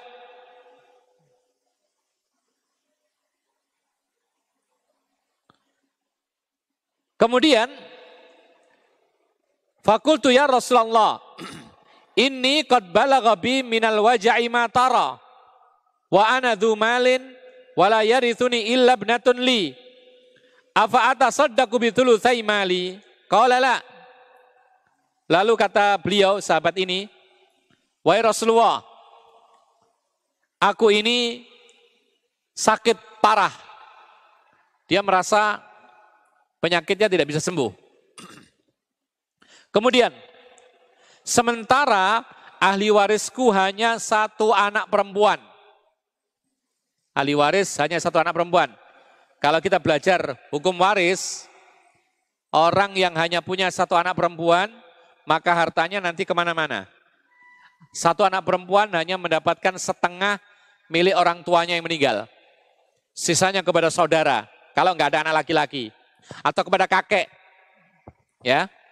Nah, kata sahabat ini, Wahai Rasulullah, aku ini sakit keras dan aku ini memiliki banyak harta, tapi ahli warisku hanya satu anak perempuan. Apakah boleh aku berwasiat didermakan hartaku sebanyak dua per tiga? Dua per tiga itu banyak. Ya, jadi kalau dia hartanya misalnya eh, 300 juta, berapa dua per tiganya? 200 juta. Kalau hartanya 3 miliar, berarti dua pertiganya dua miliar. Jadi dia bertanya, wahai Rasulullah, bolehkah aku wasiatkan untuk berderma sebanyak dua per tiga hartaku, biar sisanya nanti untuk ahli warisku. Maka Rasul mengatakan tidak boleh. Wasiat dua per tiga tidak boleh. Kemudian aku berkata lagi, wahai Rasulullah, fasyatru. Wahai Rasulullah, boleh enggak setengah hartaku? Jadi kalau dia punya 300 juta, maka akan didermakan wasiatnya 150 juta. Boleh nggak wahai Rasulullah? Kau lala. Rasulullah tetap mengatakan tidak boleh. Kultu fasulutu ya Rasulullah. Lalu aku mengatakan lagi kata sahabat ini, wahai Rasulullah, kalau aku wasiatkan sepertiganya bagaimana? Kala sulutu kathir. Maka Rasulullah mengatakan sepertiga, maka sepertiga itu sudah banyak. Lalu Rasulullah memberi nasihat. Innaka antadar warathataka aghniya khairun min antadarahum alatan yatakaffafunan nasa. Sesungguhnya kata Nabi Sallallahu Alaihi Wasallam, jika engkau tinggalkan ahli warismu dalam keadaan berkecukupan, itu jelas lebih baik daripada engkau tinggalkan mereka fakir, miskin, lalu meminta-minta kepada orang lain. Ini nggak bagus. Wa inna kalantung fikon nafaqatan tabtaghi biha wajhallah illa ujirta 'alaiha hatta ma taj'ala fi fimra'atik. Dan kata Rasulullah, sesungguhnya engkau itu kalau memberikan nafkah berharap wajah Allah, maka pasti engkau akan diberi pahala dengan nafkah itu. Sehingga nafkah yang engkau berikan ke mulut istrimu. Jadi sesuap makanan yang engkau berikan ke mulut istrimu itu pasti berpahala kalau memang engkau berniat karena Allah. Inilah fungsinya niat, ikhlas. Ya. Jadi kita memberi makan uh, istri anak-anak, itu pahalanya bukan per piring. Tapi per suap makanan yang masuk ke mulut, itu pahala demi pahala. Jadi kalau orang laki-laki mengetahui ilmu ini, maka dia tidak akan mengeluh mencari nafkah. Karena apa? Karena dalam menafkahi keluarga itu disimpan pahala berlipat-lipat. Jadi kalau ngasih makan sepiring, tinggal ngitung, itu berapa suapan itu. Kalau ternyata itu 15 suapan, berarti satu suapan itu kalikan 10 minimal. Belum lagi kalau ikhlasnya luar biasa, bisa sampai ratusan. Kalikan sebanyak suapan itu. Bisa ribuan pahala kita. Makanya orang muslim bekerja itu tidak putus asa. Orang mukmin ketika mencari nafkah tidak pernah mengeluh. Kenapa demikian? Karena di dalamnya ibadah.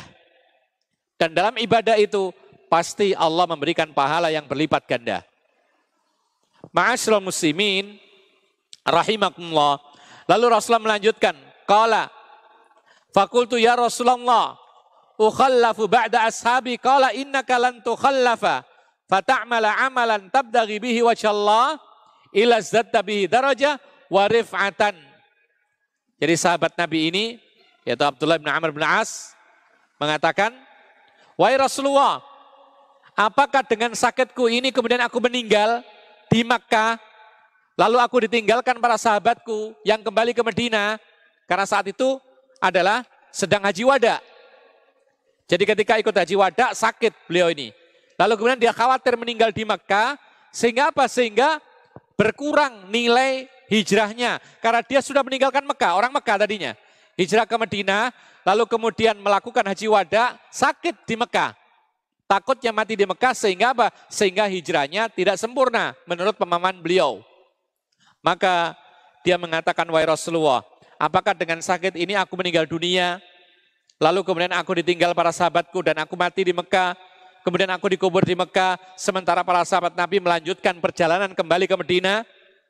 Maka Rasulullah Sallallahu Alaihi Wasallam mengatakan, sesungguhnya engkau tidak akan meninggal di Mekah.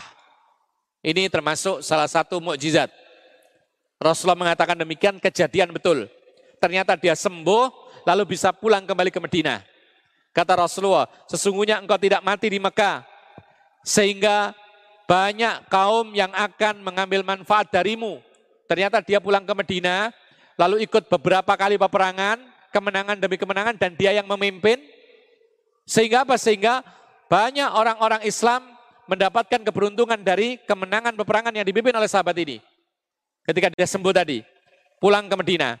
Wa akharun dan banyak orang pula yang mendapati mudarat akan ada engkau. Karena ketika dia memimpin perang, orang-orang kafir kalah, orang-orang kafir ditawan, orang-orang kafir diambil harta rampasan perangnya, sehingga mereka mendapat mudarat gara-gara sahabat ini. Kemudian Rasulullah mengatakan, Allahumma amzi li ashabi hijratahum wala taruddahum ala aqabihim. Lakin al-ba'isu Sa'ad bin Khawlah yarti lahu Rasulullah sallallahu alaihi wasallam an mak an mata bi Makkah muttafaqun alaih. Rasulullah mendoakan, "Ya Allah, sempurnakanlah hijrah para sahabatku." Artinya sempurnakan di sini adalah sampaikan ke tempat hijrah, kemudian tinggal di tempat hijrah sampai meninggal dunia. Jangan dikeluarkan lagi. Jangan engkau kembalikan mereka itu ke tempat semula. Tetapi yang kasihan adalah Sa'ad bin Khawlah. Sa'ad bin Khawlah ini meninggal dunia di Mekah. Dia ini hijrah dari Mekah, lalu ketika dia ikut haji wada, kemudian meninggal dunia di Mekah.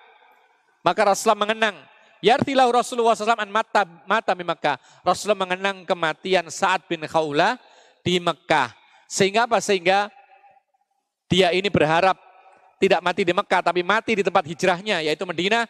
Tapi Allah menghadapi, menghendaki lain, yaitu untuk mati di Mekah, di tanah kelahirannya. Padahal tanah kelahiran ini Mekah sudah ditinggalkan karena hijrah. Dan termasuk kesempurnaan hijrah adalah orang itu hijrah meninggalkan kampung halaman, tinggal di tempat hijrah sampai meninggal dunia di tempat hijrah tersebut. Itulah kesempurnaan hijrah. Kemudian ikhwan abdina azakumullah, uh, kisah ini kesimpulannya adalah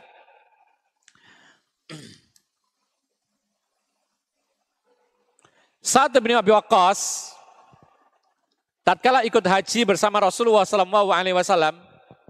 bersama para sahabat yang lain yaitu sekitar 100 ribuan orang. Jadi waktu haji wada itu berangkat dari Medina sekitar 100 ribu orang sahabat Nabi laki dan perempuan. Bayangkan 100 ribu.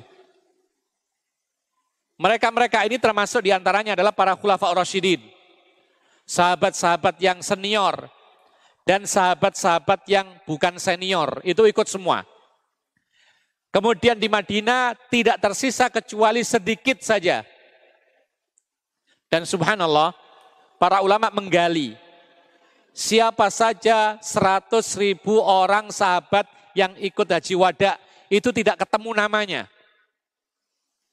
Mereka hanya bisa menyebutkan sekitar 5 ribu sampai 8 ribu nama saja. Yang lainnya tidak tersebut namanya. Karena mereka mereka orang-orang yang menyembunyikan identitas mereka. Tawadu. Sampai-sampai Al-Hafidh Ibn Hajar Al-Asqalani Ketika menyebutkan biografi para sahabat Nabi dalam kitabnya Usdul Ghabah, itu semua sahabat Nabi, beliau hanya mampu mengumpulkan delapan ribuan nama para sahabat Nabi. Padahal sahabat Nabi yang ikut haji wada saja 100 ribuan. Belum lagi yang tinggal di Madinah sekitar 20 ribuan. Jadi sekitar 120 ribu para sahabat Nabi, tapi yang dikenal cuma 8 ribuan saja. Dan mereka tidak ada yang ingin dikenal. Karena mereka memang ingin tersembunyi. Mereka tidak mau diperlihatkan atau terkenal. Sehingga lebih mereka menjaga niat mereka supaya tetap ikhlas kepada Allah subhanahu wa ta'ala. Itulah karakter para sahabat Nabi radhiyallahu anhum. Nah, tatkala saat Ibnu Abi Waqqas bersama para sahabat Nabi dipimpin oleh Rasulullah SAW haji wada, ya, Haji Wada, yaitu pada tahun 10 Hijriah. Maka saat Ibnu Abi Waqqas sakit parah di Mekah. Lalu dia khawatir meninggal di Mekah, sehingga dia mau berwasiat hartanya untuk didermakan, karena dianggap bahwasanya ahli warisnya cuma satu perempuan. Maka sisanya daripada ke mana-mana, saya wasiatkan wahai Rasulullah. Dua per tiga, tidak boleh. Setengah, tidak boleh. Kalau begitu sepertiga, baru boleh. Kemudian ternyata Rasulullah SAW mendoakan supaya dia sembuh, akhirnya sembuh, akhirnya pulang, dan dipanjangkan umurnya oleh Allah, sempat memimpin beberapa peperangan dan menang, maka orang-orang Islam mendapat manfaat dari dia, orang-orang kafir mendapat mudarat dari dia. Kemudian Rasulullah SAW mengenang kematian seorang sahabat yang lain mati di Mekah yaitu Sa'ad ibnu Khawlah. Bukan Sa'ad bin Abi Waqqas tetapi Sa'ad ibnu Khawlah. Dan Rasulullah memberikan beberapa nasihat tentang keikhlasan dalam memberi nafkah. Kemudian juga Rasulullah SAW memberikan keterangan-keterangan yang lainnya tentang sedetil apa pun, sekecil apa pun nafkah diberikan kepada keluarganya, maka itu akan bernilai pahala di sisi Allah Subhanahu wa taala. Nah, kaum muslimin yang dimuliakan oleh Allah Subhanahu wa taala, demikianlah Rasulullah wasallam memberikan petunjuk kepada kita yaitu ziaratul marid atau iyadatul marid. Menjenguk orang sakit. Ini kebiasaan Rasulullah.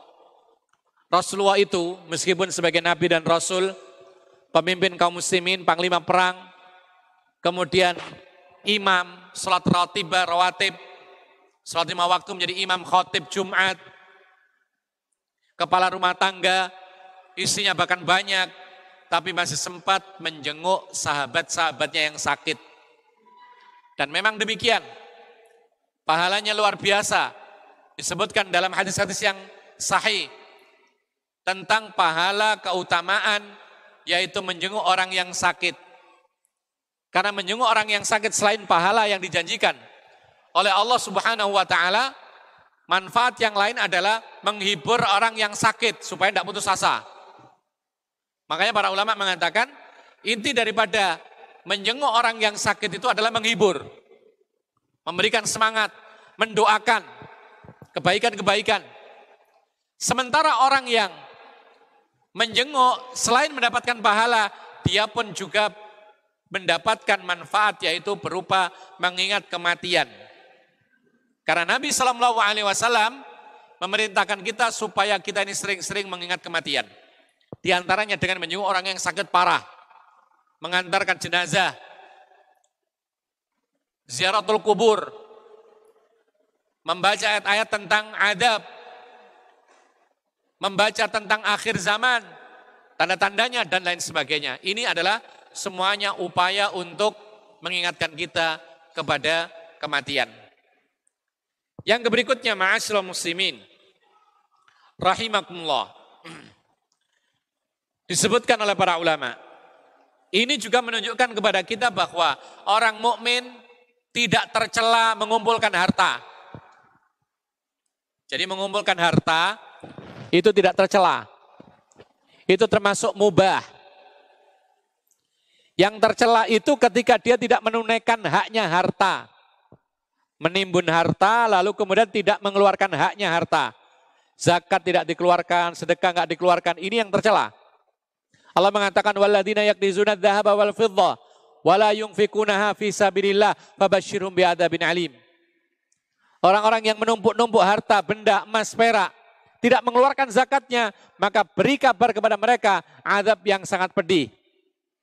Nanti kata Allah Subhanahu wa taala, harta benda itu dipanggang di api neraka, lalu kemudian disetrikakan ke lambung mereka, ke punggung mereka, ke perut mereka, sambil dikatakan, rasakanlah inilah azab harta yang kau simpan tanpa mengeluarkan haknya. Jadi ma'asyiral muslimin rahimakumullah Mengumpulkan harta itu tidak tercela. Yang tercela itu ketika dia tidak ingat haknya harta. Oleh karena itu ini menunjukkan kepada kita bahwa tidak tercela juga orang kaya. Orang mukmin yang kaya tidak masalah. Sebagaimana para sahabat Nabi ada yang kaya, kita mengenal Abu Bakar radhiyallahu an, sahabat Nabi yang kaya. Kita mengenal Utsman ibn Affan, Abdurrahman bin Auf, dan lain sebagainya. Mereka-mereka adalah sahabat-sahabat Nabi yang kaya raya. Dan Rasulullah tidak mengingkari kondisi mereka. Tetapi yang paling penting adalah bagaimana kekayaan itu mengantarkan kepada keridhaan Allah Subhanahu wa taala. Kemudian ikhwanna fiddin azakumullah. Hadis ini menjelaskan kepada kita tentang aturan wasiat. Wasiat berderma. Maka orang wasiat itu, wasiat itu lain dengan hibah. Lain dengan sedekah. Kalau sedekah, hibah itu dilakukan ketika hidup. Sehat walafiat, lalu berbagi. Ini namanya sedekah. Bisa juga hibah. Tapi kalau wasiat ini ditunaikannya setelah meninggal dunia. Jadi misalnya ada orang mengatakan nanti kalau saya mati maka harta saya untuk ini dan ini. Ini namanya wasiat. Jadi pesan berderma dilakukan setelah wafat. Ini namanya wasiat. Dalam Islam ini termasuk bagian daripada sedekah. Cuman bedanya wasiat ditunaikannya setelah meninggal dunia. Dan ini termasuk tambahan pahala bagi orang yang telah meninggal dunia. Tambahan pahala bagi orang yang meninggal dunia. Jadi orang meninggal dunia itu masih bisa mendapatkan pahala. Di antaranya adalah anak yang saleh yang mendoakan dia. Kemudian wasiat, kemudian juga wakaf.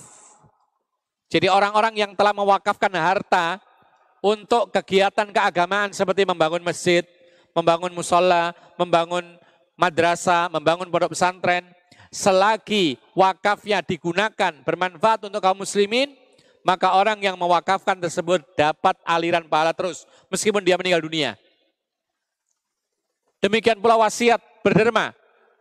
Maka dalam urusan wasiat itu ada aturannya. Paling tidak ada dua syarat. Wasiat itu boleh dalam Islam dengan dua syarat. Yang pertama di sini ditegaskan tidak boleh lebih dari sepertiga harta. Jadi kalau kita wasiat, kita harus lihat-lihat dulu berapa harta kita. Lalu berapa nilai wasiat kita. Kalau seandainya wasiat kita ini sepertiga tidak boleh, uh, dua per tiga tidak boleh. Kalau seandainya wasiat kita ini uh, misalnya setengah harta kita tidak boleh. Maka paling maksimal adalah sepertiga. Jadi seperempat boleh nggak seperempat? Boleh. Misalnya uh, seperdelapan boleh nggak? Boleh. Sepersepuluh boleh? Boleh. Seperlima boleh? Boleh. Jadi yang paling maksimal dalam yaitu wasiat adalah sepertiga. Inilah syarat yang disebutkan oleh Nabi SAW, Al-thuluthu wa thuluthu kathir. Sepertiga, maka itu sudah banyak. Itu maksimal. Jadi misalnya, ada orang sakit. Dia berwasiat. Nanti kalau saya mati, misalnya ini ya, maka rumah ini saya wakafkan untuk kegiatan keagamaan atau untuk pondok pesantren. Ternyata betul-betul meninggal dunia. Kemudian wasiatnya rumah ini diwakafkan atau disedekahkan untuk keperluan pondok pesantren. Dilihat ternyata hartanya enggak ada, cuman rumah ini saja. Apakah wasiatnya ditunaikan? Jawabannya tidak boleh. Maka yang ditunaikan wasiatnya adalah sepertiga dari rumah tersebut karena hartanya cuma rumah. Terus bagaimana rumahnya? Kan tidak bisa dipotong. Ya dijual. Berapa lakunya? 300 juta misalnya maka yang diwasiatkan dikeluarkan untuk keperluan wasiat tadi hanya sepertiganya. Kalau hasilnya 300 juta, maka 100 juta yang dikeluarkan untuk wasiat. 200 jutanya dibagikan kepada ahli warisnya. Ini maksudnya. Taib, ada orang berwasiat. Nanti kalau saya meninggal dunia, maka sebidang tanah ini diwakafkan untuk keperluan masjid. Sebidang tanah. Kemudian ketika meninggal dunia diteliti, dilihat ternyata tanah ini salah satu hartanya orang yang mati ini. Lalu ada rumah dua. Dua rumah dan satu tanah. Harganya sama-sama. Harganya rumah ini 200 juta, rumah yang satunya lagi 200 juta, tanah ini juga 200 juta. Pertanyaannya, apakah wasiatnya ditunaikan? Jawabnya ya, karena tanah ini sepertiga daripada semua harta yang dimiliki oleh yaitu si orang yang berwasiat tadi. Dan syarat yang kedua adalah tidak boleh untuk ahli waris wasiat itu. Sekali lagi, syarat yang kedua, wasiat tidak boleh diberikan kepada ahli waris. Kenapa demikian? Karena Rasulullah telah melarang dalam sebuah hadis, Rasulullah mengatakan innallaha qad a'ta kulladhi haqqin haqqahu fala wasiyata liwarith. Sesungguhnya kata Nabi sallallahu alaihi wasallam, Allah memberikan setiap pemilik hak haknya masing-masing, maka tidak boleh wasiat untuk ahli waris. Karena ahli waris sudah mendapatkan hak waris, maka tidak boleh mendapatkan wasiat, maka diberikan kepada selain ahli waris. Kecuali kalau semua ahli waris ini setuju, maka tidak mengapa wasiat kepada ahli waris. Maka kita skors untuk sholat isya dulu, dan nanti kita akan lanjutkan setelah sholat isya, atau mungkin sesi tanya jawab tidak mengapa kalau ada yang perlu ditanyakan, kita cukupkan sampai di sini. Wallahu alam, wassalamualaikum warahmatullahi wabarakatuh.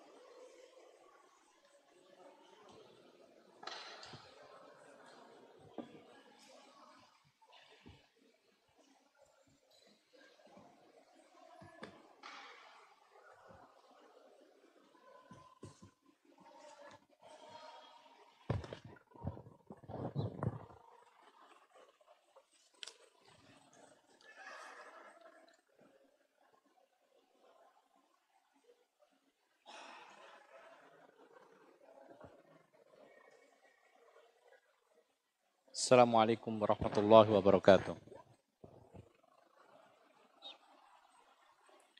Bismillahirrahmanirrahim. Alhamdulillah Rabbil Alamin. Wassalatu wassalamu ala rasulillah wa ala alihi wa sahbihi wa mawalah. Amma ba'd. Para hadirin dan hadirat yang dimuliakan oleh Allah, kita masih melanjutkan beberapa poin penting berkaitan dengan hadis yang telah kita baca, yaitu kisah saat Ibn Abi Waqqas yang sakit kemudian berwasiat, lalu Nabi Shallallahu Alaihi Wasallam mengizinkan wasiat dengan syarat yaitu maksimal sepertiga harta. Berikutnya disebutkan oleh para ulama bahwa di antara keutamaan seorang laki-laki adalah memberi nafkah kepada keluarga. Karena dengan memberi nafkah ini, laki-laki itu mendapatkan pahala demi pahala seperti yang dikatakan oleh Nabi Sallallahu Alaihi Wasallam. Kemudian ada sebuah perkataan disebutkan juga oleh para ulama bahwa menjaga silaturahmi itu adalah kewajiban. Dan rahim yang paling dekat itu adalah kerabat yang paling dekat. Seorang ayah, maka rahim yang paling dekat adalah anaknya. Dan seorang anak, maka rahim yang paling dekat adalah orang tuanya. Oleh karena itu ketika seorang anak berbakti kepada orang tuanya, maka dia telah mengusahakan silaturahmi yang paling besar. Karena apa? Karena orang tuanya itu adalah rahimnya yang paling dekat. Dan juga termasuk di antara aturan dalam memberi nafkah, maka yang wajib diberikan adalah pribadinya sendiri, kemudian orang yang paling dekat, kemudian berikutnya dan berikutnya. Oleh karena itu, tidak boleh kemudian ketika seorang mengabaikan nafkah kepada keluarganya, kemudian dia berderma kepada orang lain. Yang mesti dia lakukan adalah dirinya sendiri, lalu kemudian orang-orang dekatnya yang wajib dinafkahi seperti anak istri, baru kemudian orang-orang yang yang lainnya. Uh, kemudian ikhwan nafiddin azakumullah, hadis ini sebuah isyarat bahwa orang meninggal dunia itu sebaiknya dikuburkan di daerah ia meninggal. Jadi sekali lagi, orang yang meninggal itu sebaiknya dikuburkan di mana daerah dia meninggal. Tidak perlu diboyong ke kampung halaman. Lihat bagaimana saat Ibnu Khawlah yang mana Rasulullah SAW pernah mengingat kematian beliau di Mekah, padahal dia adalah orang Mekah yang hijrah ke Medina. Lalu menjadi penduduk Medina, kemudian sedang berkunjung ke Mekah meninggal dunia, maka dikuburkan di Mekah. Dan memang demikianlah sunnahnya pemakaman itu adalah dimakamkan di mana ia meninggal dunia. Tetapi maksudnya di sini adalah di, di pemakaman umum, di mana daerah dia meninggal dunia. Dan demikianlah para sahabat dahulu atau segenap para sahabat dahulu, tatkala mereka meninggal dunia, maka mereka segera dikuburkan di mana daerah ia meninggal dunia. Kenapa demikian? Yang pertama, karena Nabi Wasallam mengatakan asri'u bil janazah, segerakanlah urusan jenazah. Jadi mengurusi jenazah dari awal sampai akhir selesai menguburkan itu kalau bisa segera mungkin. Oleh karena itu, disebutkan oleh para ulama bahwa apa pun yang berkaitan dengan mayat, maka kalau bisa disegerakan. Maka dari itu juga, beda sholat jenazah dengan sholat yang lain. Sholat yang lain ada ruku, sujud, dan yang lainnya. Tetapi sholat jenazah cukup takbir empat kali. Kenapa demikian? Tidak ada ruku dan sujudnya karena memang dalam mengurusi jenazah, termasuk menyolati jenazah itu tidak boleh terlalu lama. Kenapa tidak boleh lama? Kenapa harus segera? Fa in taku khairan fa khairun tuqaddimunaha ilai. Kalau jenazah itu baik, berarti engkau menyegerakan kebaikan didapatkan mayat. Wa in taku siwadhalika fasyarun tadaunahu an riqabikum. Tapi kalau seandainya jenazah itu tidak baik, maka berarti engkau segera meletakkan keburukan dari budak kalian. Segera bebas dari keburukan. Lalu yang kedua, ma'asyiral muslimin rahimakumullah. Kenapa? Orang meninggal dunia itu sunnahnya dikuburkan di daerah ia meninggal dunia. Kalau tidak, maka ini yaitu membutuhkan biaya yang cukup banyak. Andai kan ada seorang yang meninggal dunia, misalnya sedang haji, lalu harus diboyong jenazahnya ke kampung halaman, ke negeri kita ini, maka butuh biaya yang banyak. Tidak cukup sejuta dua juta. Karena berbeda antara orang hidup dengan orang meninggal dunia ketika perjalanan. Butuh tempat, butuh peti, ya, butuh apa namanya transportasi khusus, ambulan. Di pesawat pun juga tempatnya tidak cukup satu tempat duduk. Berlipat ganda. Maka ini akan melipat gandakan biaya, membuang-buang harta. Kemudian juga yang berikutnya akan menyusahkan orang yang hidup. Jadi kalau ada orang yang meninggal di luar daerah, di luar pulau, di luar negeri, lalu harus dipulangkan ke bangku halaman, maka ini akan merepotkan orang-orang yang hidup untuk mengurusinya. Kemudian yang berikutnya, kenapa kalau bisa dikuburkan di di mana dia meninggal dunia? Karena kalau dikuburkan, dipulangkan kembali ke kampung halamannya, ya, maka akan memperlambat mayat untuk segera dikuburkan dan dikhawatirkan jenazahnya semakin rusak. Padahal memperhatikan kebaikan jenazah, memandikan sebersih mungkin. Bahkan Nabi menyuruh mengulang-ulang mandikan mayat sampai berkali-kali, sampai tujuh kali tidak masalah. Kalau sekiranya kurang tambahi lagi, sembilan kali, sebelas kali, yang penting bersih. Ini menunjukkan bahwa itu adalah haknya mayat. Bagaimana supaya dikuburkan dalam kondisi jasadnya baik, tidak rusak, sesegera mungkin. Nah itu akan terwujud ketika dia meninggal dunia dikuburkan di tempat di mana dia meninggal dunia. Maksudnya di kuburan umumnya. Dan demikianlah sejak dahulu sampai sekarang kebiasaan kaum muslimin itu ketika meninggal dunia dikuburkan di kuburan umum, bukan di tempat-tempat khusus. Karena Nabi SAW melarang terutama mengubur di rumah atau di pekarangan rumah ini dilarang. Rasulullah mengatakan la taj'alu buyutakum kuburan. Jangan kau jadikan rumahmu sebagai kuburan. Tidak boleh. Jadi dikuburkan di kuburan umum, ya. Karena apa? Karena kalau dikuburkan di rumah, suatu ketika kuburan ini akan dihinakan. Diinjak, dibangun, dijadikan tempat tidur, dijadikan WC, kamar mandi. Akhirnya tidak menghormati mayat. Maka untuk hal itu, maka mayat dikuburkan di kuburan umum di daerah di mana dia meninggal dunia. Kemudian ikhwan nafiddin azakumullah.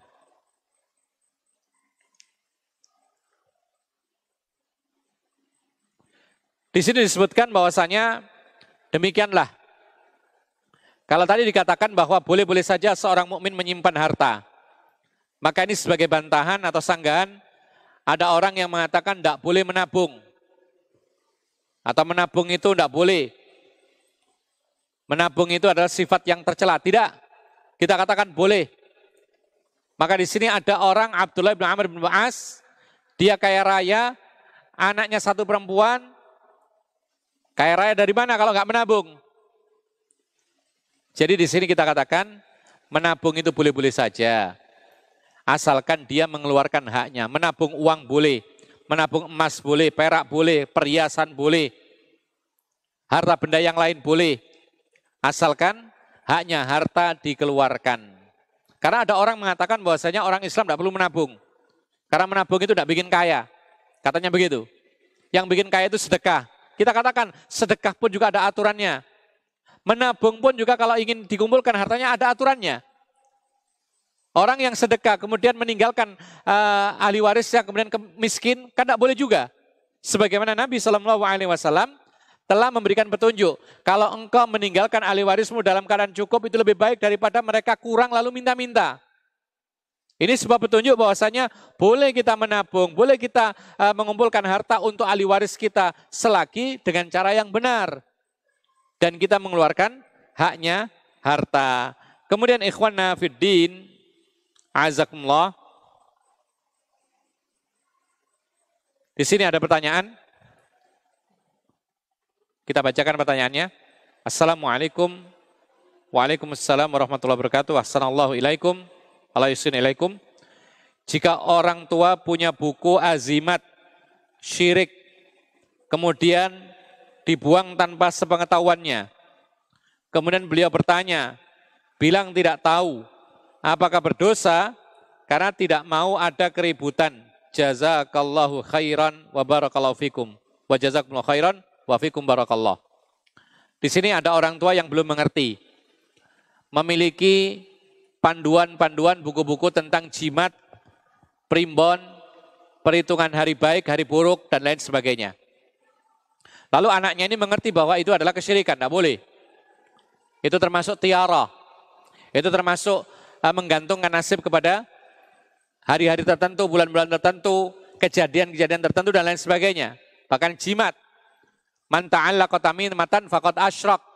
Barang siapa memakai jimat maka telah menyekutukan Allah. Meskipun kesyirikan itu bertingkat-tingkat, ada yang kecil, ada yang besar. Maka bagaimana sikap yang benar? Sikap yang benar ya bukan dibuang, tapi dinasehati dengan cara yang lembut, yang bijaksana.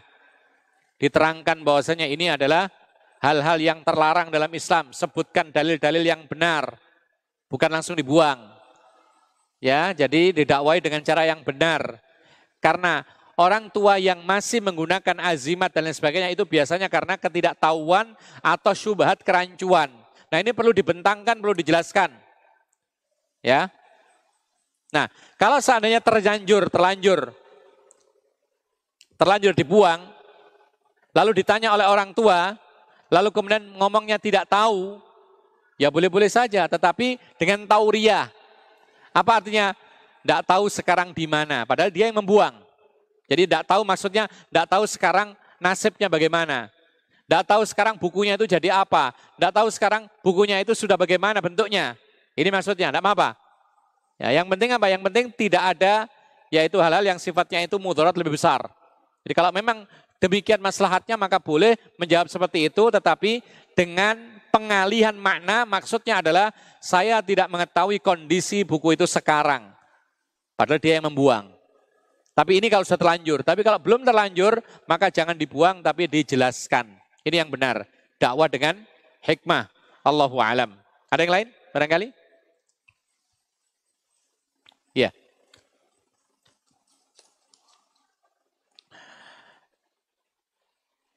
Bismillah berkaitan dengan wasiat. Bagaimana jika ada seseorang yang berwasiat jika meninggal dunia minta untuk didoakan dengan cara acara tahlilan. Kita katakan maka tidak harus dengan acara tahlilan. Didoakan saja, masing-masing berdoa, tidak harus bersama-sama, maka itu yang diperintahkan oleh Nabi kita Muhammad sallallahu alaihi wasallam, "Ud'u rabbakum tadarruan wa khufyah. Innahu la yuhibbul mu'tadin." Berdoalah kepada Allah dalam keadaan tunduk dan merendahkan diri melirikan suara. Sesungguhnya Allah Subhanahu wa taala tidak menyukai orang-orang yang melampaui batas. Dan juga yang berikutnya tidak ada, tidak pernah Nabi Shallallahu Alaihi Wasallam memerintahkan untuk mendoakan berjamaah untuk orang yang telah meninggal dunia. Tetapi doa secara umum itu disyariatkan. Maka silakan berdoa masing-masing untuk orang tua kita dan termasuk tanda anak itu soleh adalah mendoakan orang tua yang telah meninggal dunia tetapi tidak harus bersama-sama. Artinya mendoakan tetap wajib untuk orang tua tapi dengan cara seperti yang disebutkan, maka ini tidak wajib dilakukan karena wasiat yang tidak dibenarkan dalam agama, maka tidak boleh dilakukan. Jadi kalau orang tua misalnya wasiat, kalau saya mati nanti maka buatlah yaitu pesta apa namanya dengan mengundang bidu wanita misalnya. Maka tidak boleh dilakukan. Ya, tapi kalau semacam doa saja, maka inilah yang ditunaikan. Allahu alam. Berkaitan dengan wakaf, jika ada wakaf yang tidak lagi dipakai atau tidak digunakan lagi untuk kegunaan apakah terputus pahala bagi pemberi wakaf tersebut? Contoh Al-Quran yang terbengkalai atau masjid yang tidak digunakan setiap waktu atau yayasan atau ponpes yang sudah tidak terpakai. Apakah berhenti pahalanya untuk orang yang mewakafkan? Jawabannya iya. Makanya kalau kita ini wakaf, kalau bisa harus produktif. Pilih, kira-kira wakaf saya ini manfaat atau enggak? Ya, terutama kalau di suatu kampung yang belum ada masjid. Wakaf, membeli tanah untuk masjid. Wakaf untuk bangunan masjid, karena belum ada masjid pasti dipakai. Sampai kapan? Selama-lamanya. Selama dipakai oleh kaum muslimin sholat, maka orang yang wakaf tanah dan masjid ini mendapat aliran pahala meskipun ia meninggal dunia. Selama berapa? Sampai berhenti wakaf tersebut. Ya, ada lagi yang uh, wakaf misalnya lantai, keramik. Pembangunan masjid ada yang wakaf keramik. Maka keramik itu selama dipakai, maka dia mendapatkan aliran pahala terus menerus. Sebanyak orang yang memakai. Bayangkan kalau Jumatan ada 100 orang, maka dia mendapatkan pahala wakaf pertama kali, kemudian mendapatkan 100 kali lipatnya. Setiap satu orang tadi dilipat gandakan 10 kali lipatnya minimal. Jadi bisa ribuan. Tetapi sekali lagi, kalau wakafnya bermanfaat, tapi sekiranya tidak bermanfaat terbengkalai, maka berhenti wakaf tersebut. Makanya ada fatwa di kalangan para ulama, yaitu ketika wakaf itu berhenti, misal wakaf mobil untuk keperluan operasional suatu masjid, boleh. Karena wakaf itu intinya barang yang bisa digunakan, benda yang bisa digunakan. Ketika digunakan barang masih tetap ada, itu wakaf. Ya, maka mobil misalnya diwakafkan untuk keperluan operasional masjid, boleh. Selama digunakan maka terus mengalir pahalanya. Maka para ulama mengatakan, bagaimana kalau mobil ini rusak? Lalu berhenti, tidak bisa bermanfaat, tidak digunakan karena rusak. Boleh nggak dijual? Jawabannya boleh, tapi usahakan setelah dapat uang, dibelikan kendaraan yang semisal atau di bawahnya, lalu digunakan untuk operasional lagi. Jadi begini, misalnya ada orang wakaf mobil, harganya berapa? 100 juta. Diwakafkan di masjid, dipakai sehari-hari, terus, terus, terus, akhirnya rusak diperbaiki, rusak lagi, rusak lagi, terbengkalai. Dijual. Ternyata lakunya cuman berapa? 50 juta. Belikan lagi mobil yang seharga itu bisa dipakai untuk operasional. Terus mengalir pahalanya. Dipakai, dipakai bertahun-tahun, kemudian rusak lagi. Dibetulkan, rusak lagi. Dipakai tidak bisa. Dijual laku cuma 15 juta. Diapain uangnya? Belikan kendaraan yang lain. Yang seharga itu, sepeda motor untuk dipakai operasional. Terus mengalir, mengalir, mengalir sampai betul-betul berhenti manfaatnya. Baru berhenti wakaf tersebut. Dan ini keutamaan wakaf, tambahan pahala bagi orang yang telah meninggal dunia. Allahu alam.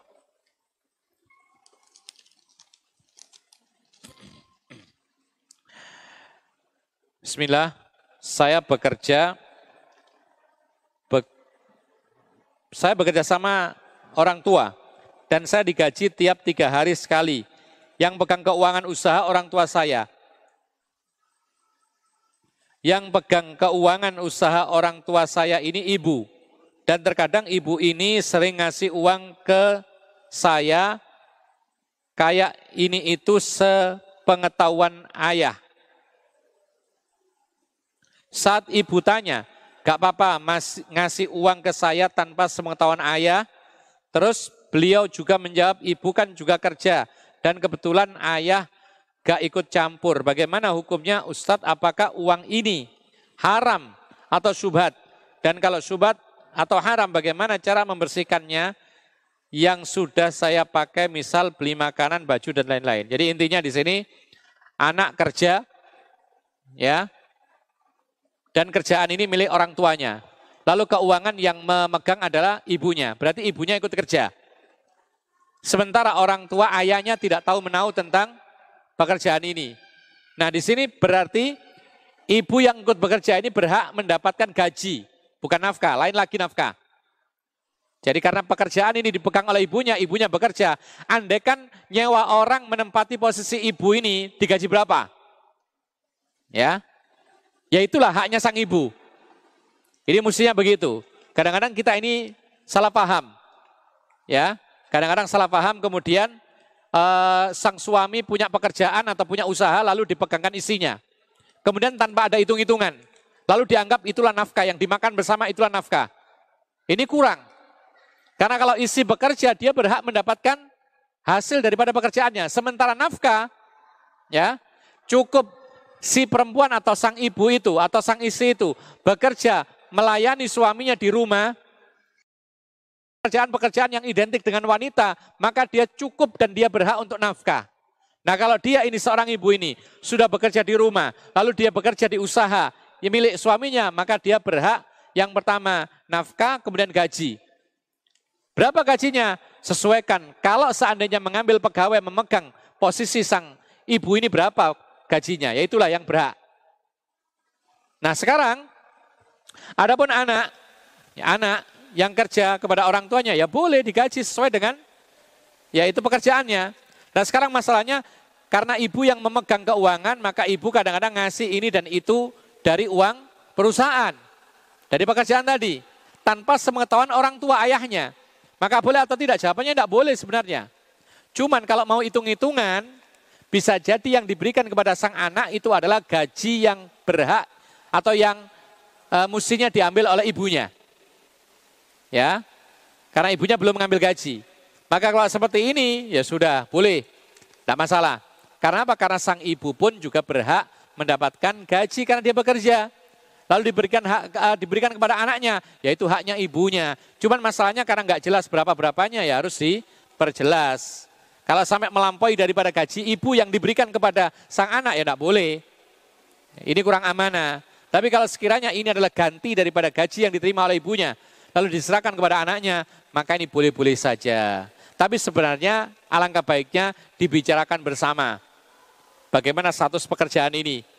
Lalu kemudian sang ibu pegang keuangan, gajinya berapa. Kemudian anak bekerja di sini gajinya berapa. Lain halnya masalah bonus, hadiah, ini lain lagi. Harus dibicarakan di berikutnya.